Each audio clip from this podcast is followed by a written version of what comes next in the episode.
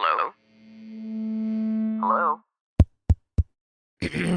Podcast Network Asia. Lisir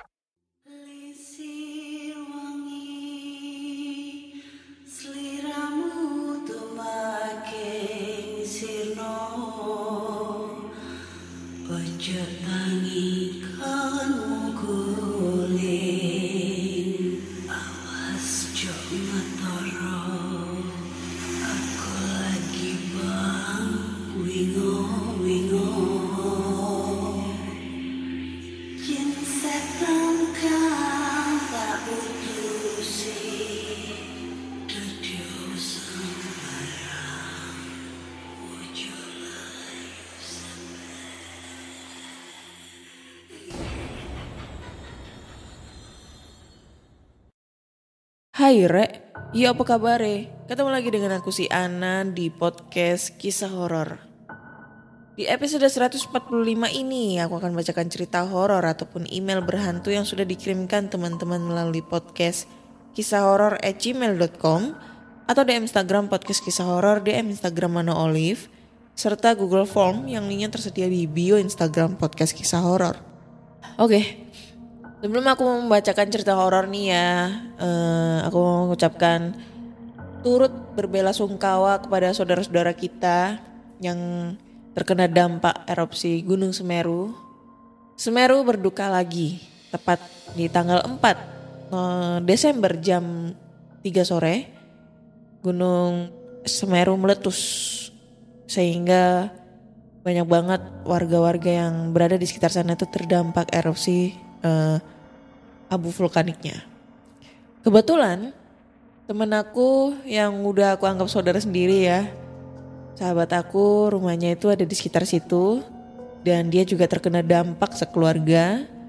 Tapi alhamdulillah mereka udah selamat, udah ngungsi di tempat yang jauh lebih aman lagi gitu kan di posko pengungsian. Kata temen aku sih bencana yang kali ini lebih parah dibanding dibandingkan eh, bencana yang pertama yang awal tahun Semeru meletus itu ya.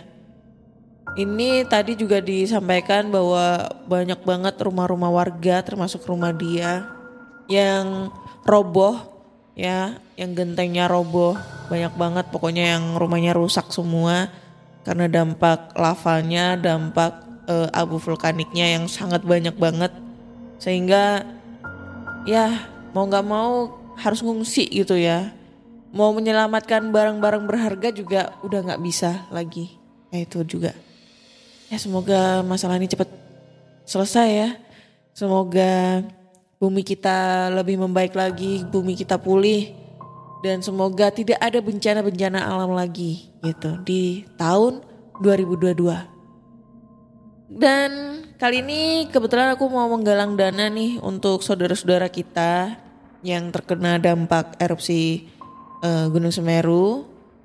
Karena tadi juga eh, teman aku udah ngomong dan ternyata ada juga eh, sahabat podcast kisah horor yang ternyata rumahnya ada di Lumajang. Tadi sempat nge-DM juga terkena dampak erupsi Gunung Semeru yang bilang kalau sampai sekarang bantuan masih minim sekali datang ke sana. Dan di sana membutuhkan berbagai macam peralatan makan, terus mandi dan pakaian selayaknya ya, terutama untuk ibu dan anak-anak. Ibu menyusui dan anak-anak yang masih di bawah umur, membutuhkan pampers, membutuhkan eh, baju dan lain-lain ya. So eh, podcast kisah, podcast kisah horor menggalang dana untuk saudara-saudara kita yang terdampak gunung erupsi. Caranya gampang banget. Kalian masuk aja di Instagram podcast kisah horor dan di bio Instagram podcast kisah horor itu ada link tree nih, link tree. Kalian tinggal klik aja linknya dan di situ ada tiga opsi. Nah kalian pilih yang opsi paling utama. Yang paling atas sendiri ada open donasi untuk berbagi sesama. Nah tinggal klik aja. Donasi bisa dimulai dari seribu rupiah. Semoga bumi cepat kembali, semoga kita bisa tabah dan lebih semangat lagi, oke? Ya, itu deh. Sedih gue ngedengerinnya. Nah, tadi tuh, aduh, tadi sempat telepon-teleponan sama teman aku ya, eh, video call juga. Dan aduh, memprihatinkan sekali. Karena tadi juga teman aku ngasih tahu situasi di sana ya di tempat pengungsian. Kebetulan teman aku juga seorang ibu. Jadi pas mereka kumpul-kumpul itu banyak banget yang anak-anaknya pada sakit sesek gitu kan kena dampak abunya itu. Itu bahaya banget itu kalau abunya sampai masuk ke dalam paru-paru kita. Gila. Nah itu juga. Aduh. Aduh, gak tau deh. Gak bisa ngebayangin. Oke. Langsung aja kita baca-baca cerita horor nih ya. Yang udah dikirim teman-teman semua. Dan cerita horor pertama ini datang dari email. Nih. Ini datangnya dari siapa nih? Namanya Wira nih. Judulnya adalah Ilmu Hitam Mamang Encup. Waduh. Mamang Encup. Oke. Assalamualaikum warahmatullahi wabarakatuh. Waalaikumsalam. Selamat malam Kak Ana dan selamat malam semua buat pendengar podcast kisah horor. Kali ini aku mau cerita nih. Cerita ini aku dapat langsung dari mamang aku. Mang Encup, aku manggilnya. Mang Encup bercerita kisah dia waktu masih tinggal di kampungnya, Desa Cihonje, ujung kulon.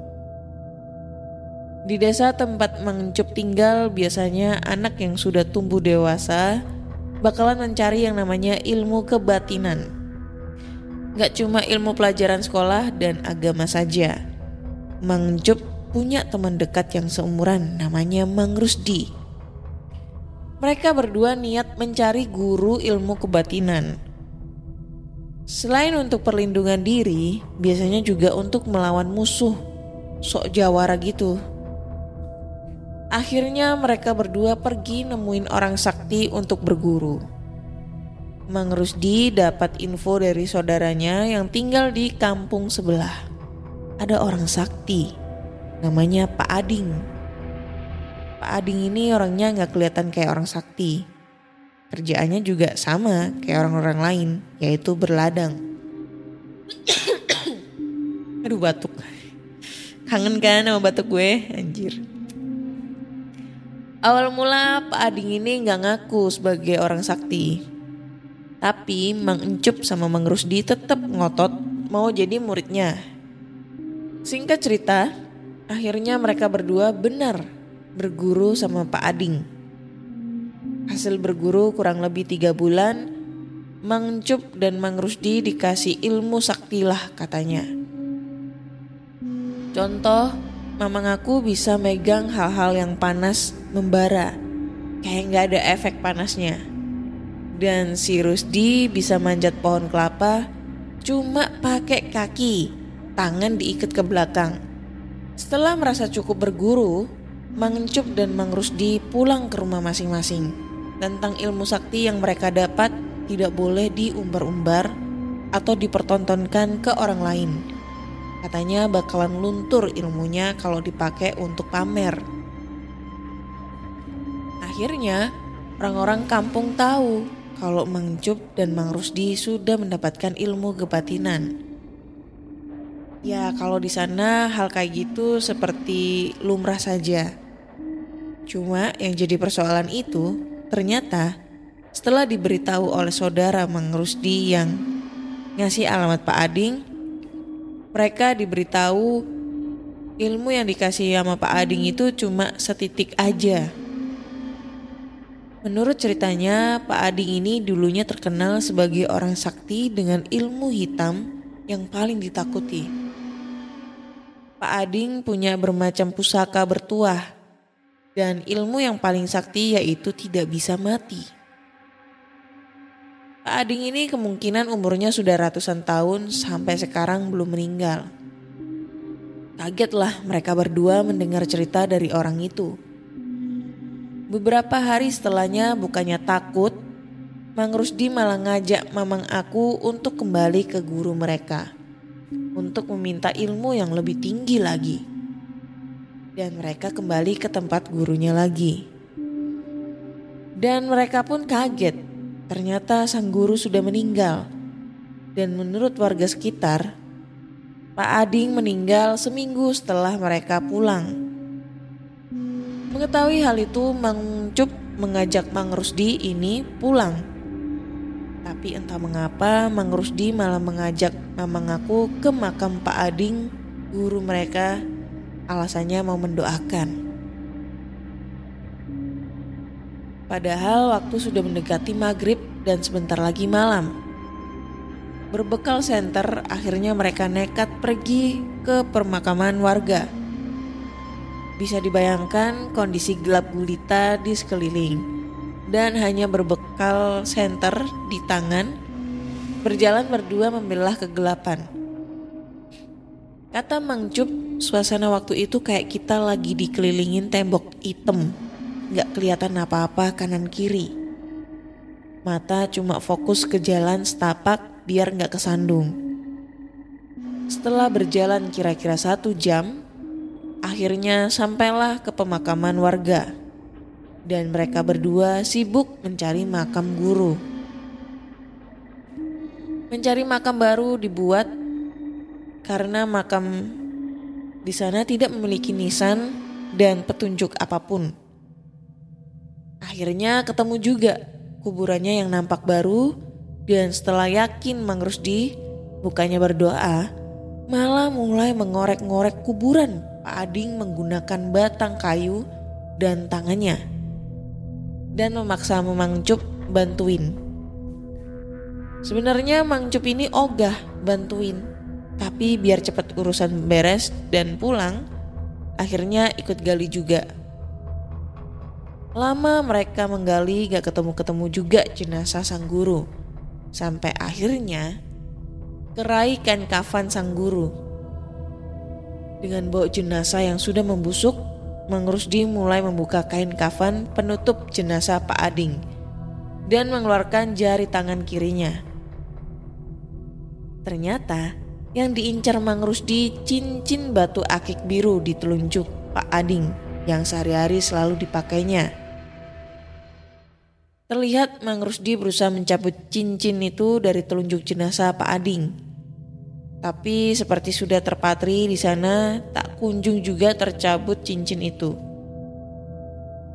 Putus asa, akhirnya Mang Rusdi membenturkan senter ke jari jenazah Pak Ading ini hingga jari telunjuknya putus dan langsung dimasukkan ke kantong. Jari telunjuk beserta cincin biru batu akik itu eh gila mereka langsung keluar dari liang lahat dan menimbun kembali kuburan itu. Tiba-tiba, seperti tidak ada peringatan, hujan lebat pun mengguyur mereka. Entah kenapa, Mang Rusdi lalu berlari tergesa-gesa meninggalkan makam Pak Ading dan Mang Cup. Mang Cup mengejar Mang Rusdi karena takut sendirian di pemakaman.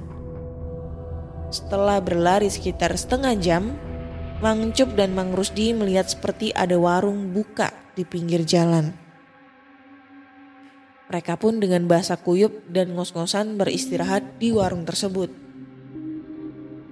Ternyata ada seorang kakek tua pemilik warung yang dengan baik menyambut dan segera menawarkan kopi panas kepada Mamang dan Rusdi. Dialog aslinya nanya pakai bahasa Sunda ya kak, tapi ini aku translate ke bahasa Indonesia. Dari mana cu? Malam-malam hujan-hujanan. Tanya si kakek sambil mengaduk kopi. Dari sana kek Jawab Mang Cup sambil menggigil kedinginan. Emang di sana ada apa? Bukannya di sana mah kuburan ya? Tanya si kakek. Iya kek, tadi nyasar lagi nyari rumah saudara. Jawab Mang Cup santai Segera si kakek menyuguhkan kopi kepada Mang Cup dan Mang Rusdi. Mang Rusdi dari tadi terlihat ketakutan dan menyenter sekeliling warung. Tiba-tiba bertanya kepada si kakek. Kek, itu kenapa? Kok jari telunjuknya buntung? Tanya Mang Rusdi. Dan si kakek hanya terdiam dan menunduk. Kek, itu kenapa jarinya? Tanya Mang Rusdi kembali dengan nada lebih ngotot. Tiba-tiba si kakek melotot dan berteriak dalam bahasa Sunda. Usia, usia, gitu kan. Jadi si kakek, usia itu apaan sih? Mendengar jawaban si kakek, mereka langsung lari dari warung tersebut dan segera menuju kampung terdekat untuk mencari tempat perlindungan. Tanpa menengok lagi ke belakang. Dan baru sadar saat berangkat tadi tidak bertemu dengan warung itu. Setelah sampai di rumah salah satu warga, mereka lalu meminta izin untuk bermalam. Untungnya diizinkan. Hingga keesokan harinya, Mang Cup dan Mang Rusdi pulang ke kampung tanpa membahas kejadian tadi malam. Setelah sekitar satu bulan tidak bertemu dengan Mang Rusdi, Mang Cup mendapatkan kabar bahwa Mang Rusdi sekarang telah menjadi orang gila. Kegilaannya muncul tiga hari setelah pulang dari makam Pak Ading. Setelah tahu cerita aslinya, ternyata Mang Rusdi ini menginginkan cincin keramat milik milik Pak Ading yang konon menjadi kunci semua ilmu kebatinan Pak Ading. Dan setelah memakai cincin itu, Ternyata jiwa Mang Rusdi tidak kuat menahannya dan membuat dia menjadi gila. Konon, tiap malam sehabis maghrib, Mang Rusdi selalu berteriak minta tolong cabut cincin di lehernya sambil sujud-sujud di depan pintu. Padahal tidak ada apa-apa di lehernya. Jiwa Mang Rusdi seperti diikat oleh cincin keramat dan dihantui oleh arwah Pak Ading. Tidak lama, Lalu paman aku pun hijrah ke kota dan membuang semua ilmunya dan tak pernah mendengar lagi kabar tentang teman dekatnya si Rusdi. Sekian cerita horor yang singkat dari aku kak. Semoga kak, kak Anas dan semua teman-teman pendengar podcast horor bisa menikmati ceritanya. Ini cerita real ya kak, tidak bohong karena emang kebanyakan di tempat aku itu banyak sekali orang-orang yang berilmu mencari ilmu hitam untuk melindungi dirinya masing-masing. Oke, okay. thank you banget Mira buat ceritanya ya uh, tentang pengalamannya, uh, pengalaman mamangnya lebih tepatnya ya uh, mencari ilmu hitam. Eh gila bro, aku kira itu ini bohongan gitu tapi kalau setelah aku baca-baca ini ya ternyata kayaknya real deh karena Aku taunya di Banten. Banten itu deket gak sih sama ujung kulon? Itu banyak banget lah orang-orang yang cari-cari begitu. Ini gue kenapa bisa ngomong kayak gitu karena saudara aku itu rumahnya di sana gitu kan di Banten. Terus dia pernah cerita kalau dulu temennya itu pernah kena santet gitu. Uh, pernah kena santet tapi belum begitu parah. Terus cari dukun dan ketemunya itu di daerah mana gitu di daerah Banten. Pokoknya daerahnya masih pelosok gitu rumah dukunnya itu. Uh sakti. Tempatnya itu katanya itu serem banget. Kayak film apa ya film-film horor gitu deh pokoknya katanya. Gila. Tuh si Rusdi juga apa ya ibaratnya dia tuh juga gila juga anjir. Dia ngambil jari si gurunya jari apa dari jenazah gurunya setelunjuk-telunjuknya anjir dibawa pulang. Gila. Itu kan ya kalau misalnya kalau orang-orang itu bilangnya ya kalau misalnya ada jenazah yang jenazahnya tidak lengkap walaupun satu satu jari itu hidupnya nggak bakalan tenang gitu katanya. Karena ya itu tadi anggota tubuhnya belum lengkap. Dia bakal mencari-cari di mana anggota tubuh yang lainnya. Dan ini sih si Rusdi udah kelewatan batas juga karena niatnya dia uh, mengambil cincinnya tersebut hanya untuk kepentingannya dia karena udah gila banget maksudnya udah terobsesi banget sama ilmu hitam terobsesi banget sama kesaktian biar dia bisa kayak pading gitu ya hidup lebih lama habis itu sakti mandraguna terus mau ngapa-ngapain juga bisa enak nanti kalau misalnya di begal juga dia udah kebal ibaratnya kayak gitu-gitu ya hanya mungkin karena jiwanya udah niatnya udah jelek terus habis itu jiwanya jiwa kotor ngambillah itu cincin cincinnya diambil secara tidak baik juga, tidak wajar, ya akhirnya mendapatkan tulah, ya, mendapatkan karma gitu. Ini tidak patut untuk dicontoh buat siapa pun. So, ini hanya sekedar pengalaman cerita dan pengalaman ini sebenarnya tidak baik untuk dicontoh karena ya efeknya juga gak baik buat kita gitu loh. Ya, yang contoh anjir. Oke, next. Lanjut ke cerita berikutnya. Cerita berikutnya ini datang dari siapa ini? Ini namanya Toha. Toha, ya namanya Toha. Judulnya adalah pengalaman horor di asrama. Kamu lagi mau mengembangkan podcast kamu, tapi bingung caranya bagaimana? Mulai dari sisi performance-nya, menentukan red konten kamu, sampai bagaimana cara memonetisasinya. Nah, coba deh cek Podmetrics. Podmetrics adalah platform yang bisa membantu kamu untuk lebih mudah melihat performa konten podcastmu. Lalu melalui Podmetrics, kamu juga bisa menentukan rate podcastmu melalui data yang tersedia – serta bisa juga memonetisasi kontenmu dengan champion-champion dari brand yang cocok dengan podcastmu. Bahkan, Podmetrics juga bisa membantumu untuk mendapatkan inspirasi dalam membuat iklan pada podcastmu dengan contoh iklan yang sudah tersedia. Nggak ketinggalan juga, sekarang Podmetrics juga ada fitur Pod Earnings dengan berbagai metode pembayaran. Sehingga memudahkan kamu untuk mendapatkan penghasilan dari Podmetrics. Jadi, kalau kamu seorang podcaster, pastikan kamu mendaftar Podmetrics dengan memakai Podmetrics referralku. Klik langsung aja podlink yang ada di deskripsi box dalam episode ini. Halo Kak Ana dan halo teman-teman semua. Aku baru pertama kali nih share cerita dan atau pengalaman aku di podcast kisah horor atau di podcast-podcast horor lainnya. Aku memilih podcast kisah horor soalnya ceritanya juga menarik-menarik dan kayaknya Kak Ana juga bisa nih paham dengan isi cerita aku. So langsung aja kita ke ceritanya ya. Oh iya, aku sebenarnya udah lulus kuliah.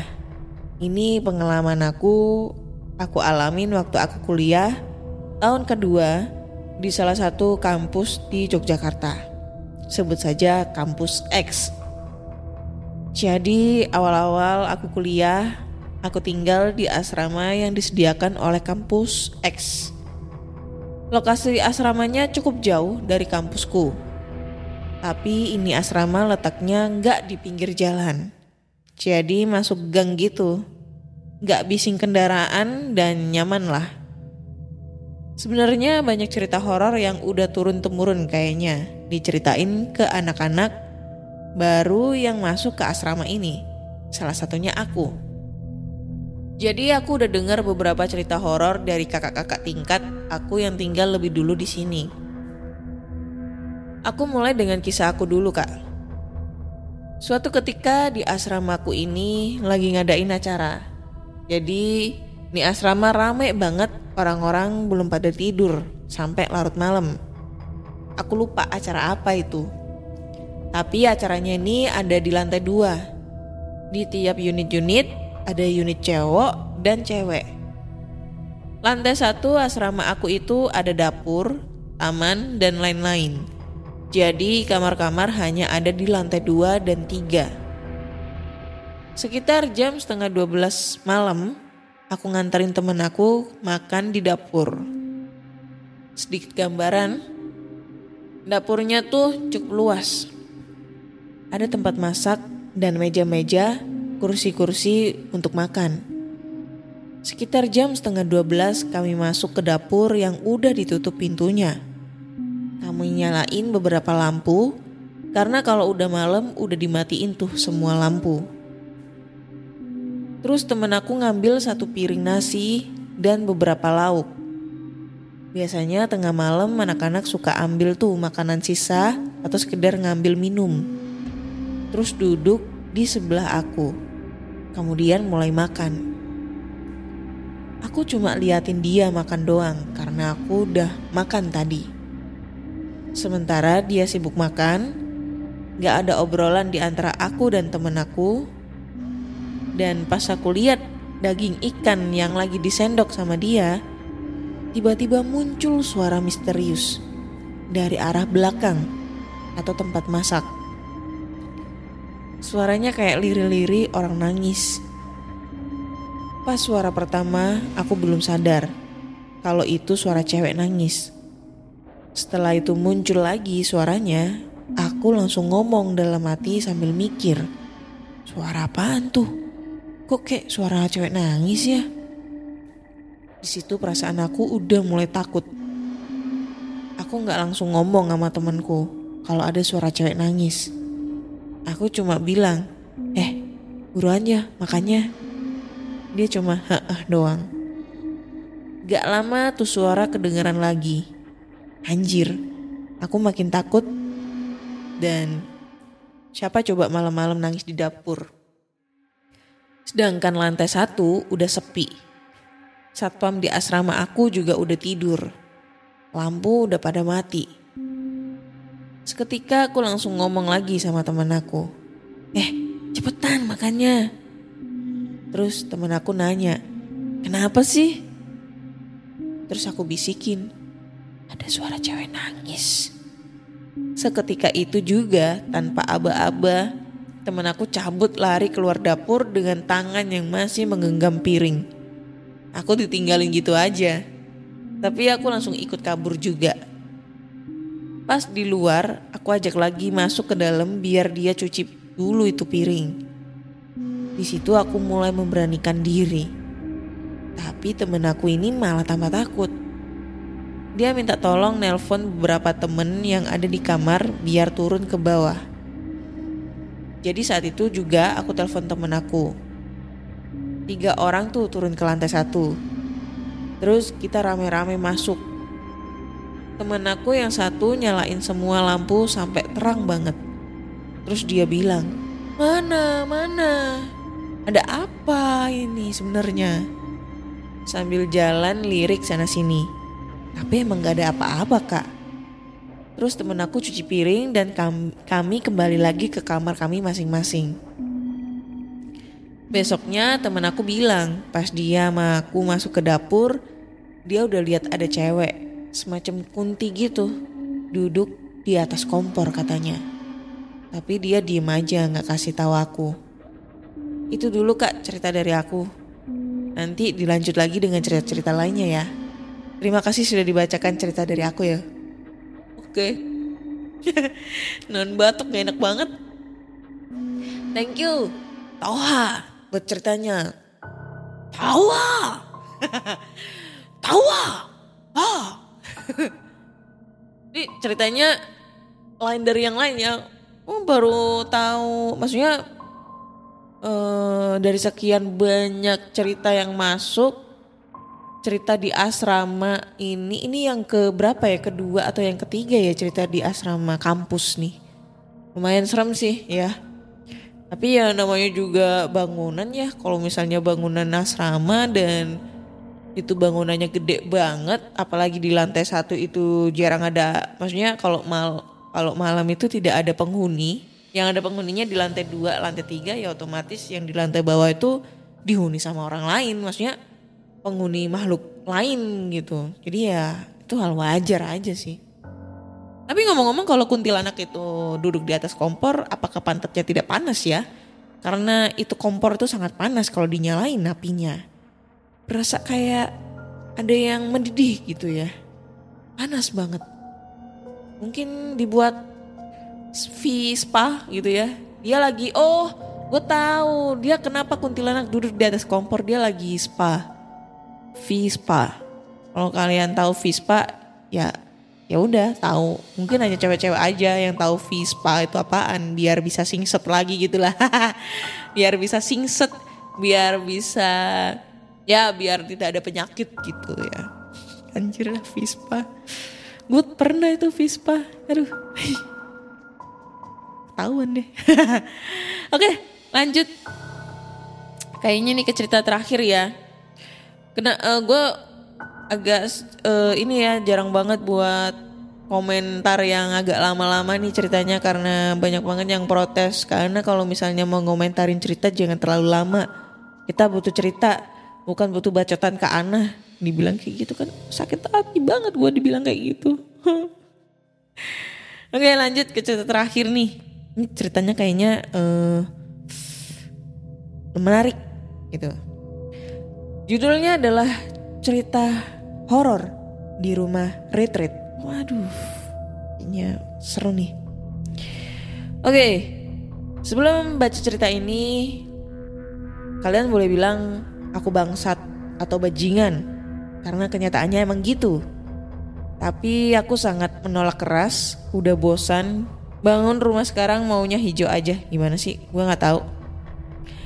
Ini adalah cerita misteri aku dan asli aku alami bareng teman-temanku. Diharapkan jangan ngedengerin kalau nggak kuat. Oke, seberapa seremnya sih nih ceritanya sampai dibilang sakit jantung? Serem banget apa? Oke, cerita ini bermula ketika gue masih kelas 1 SMA. Kebetulan gue sekolah di sekolah Katolik yang memiliki program retreat.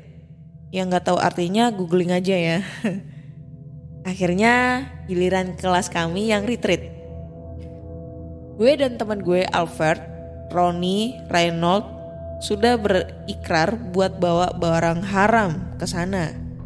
Makanan, minuman, rokok. Tenang, gak sampai ke narkoba kok.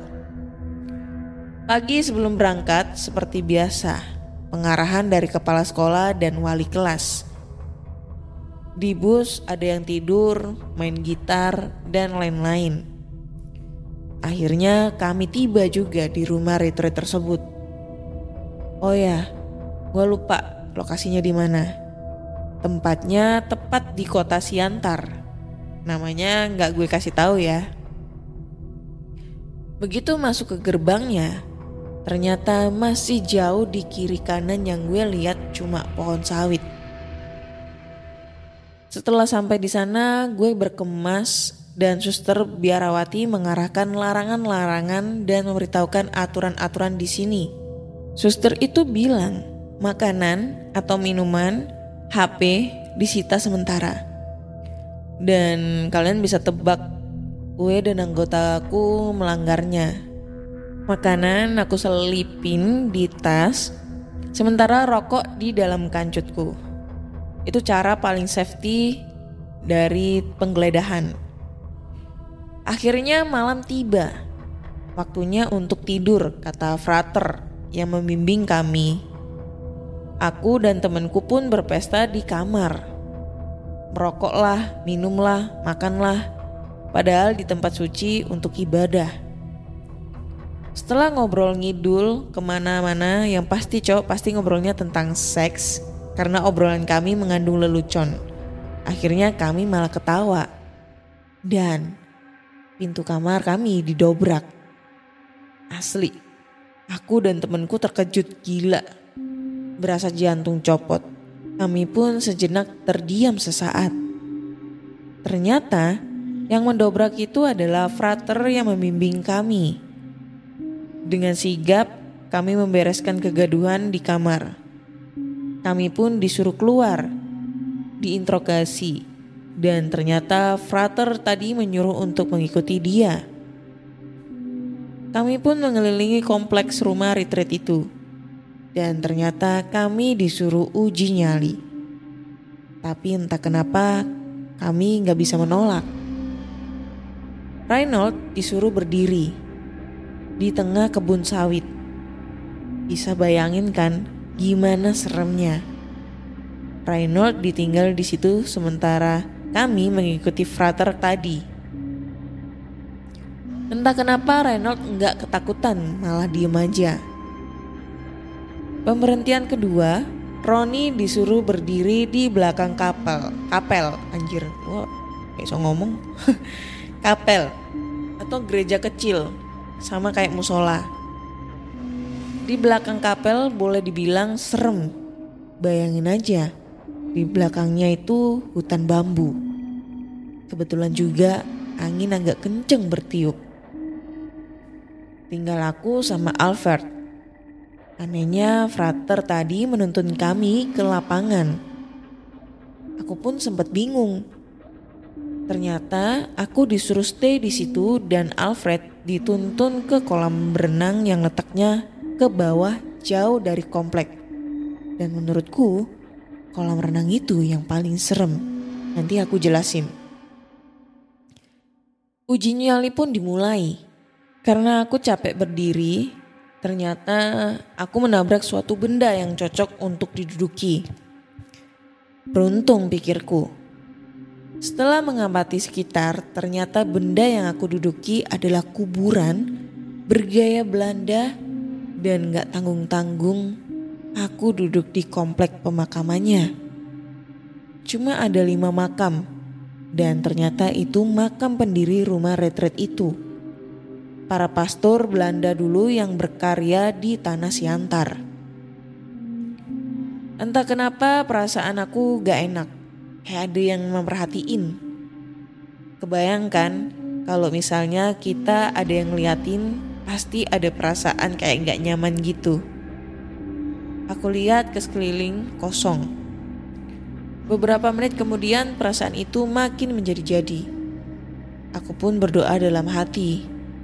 Catat ya kak, senakal-nakalnya kamu, tapi kalau emang kamu sendiri dan butuh bantuan, pasti kamu minta bantuan sama Tuhan kamu.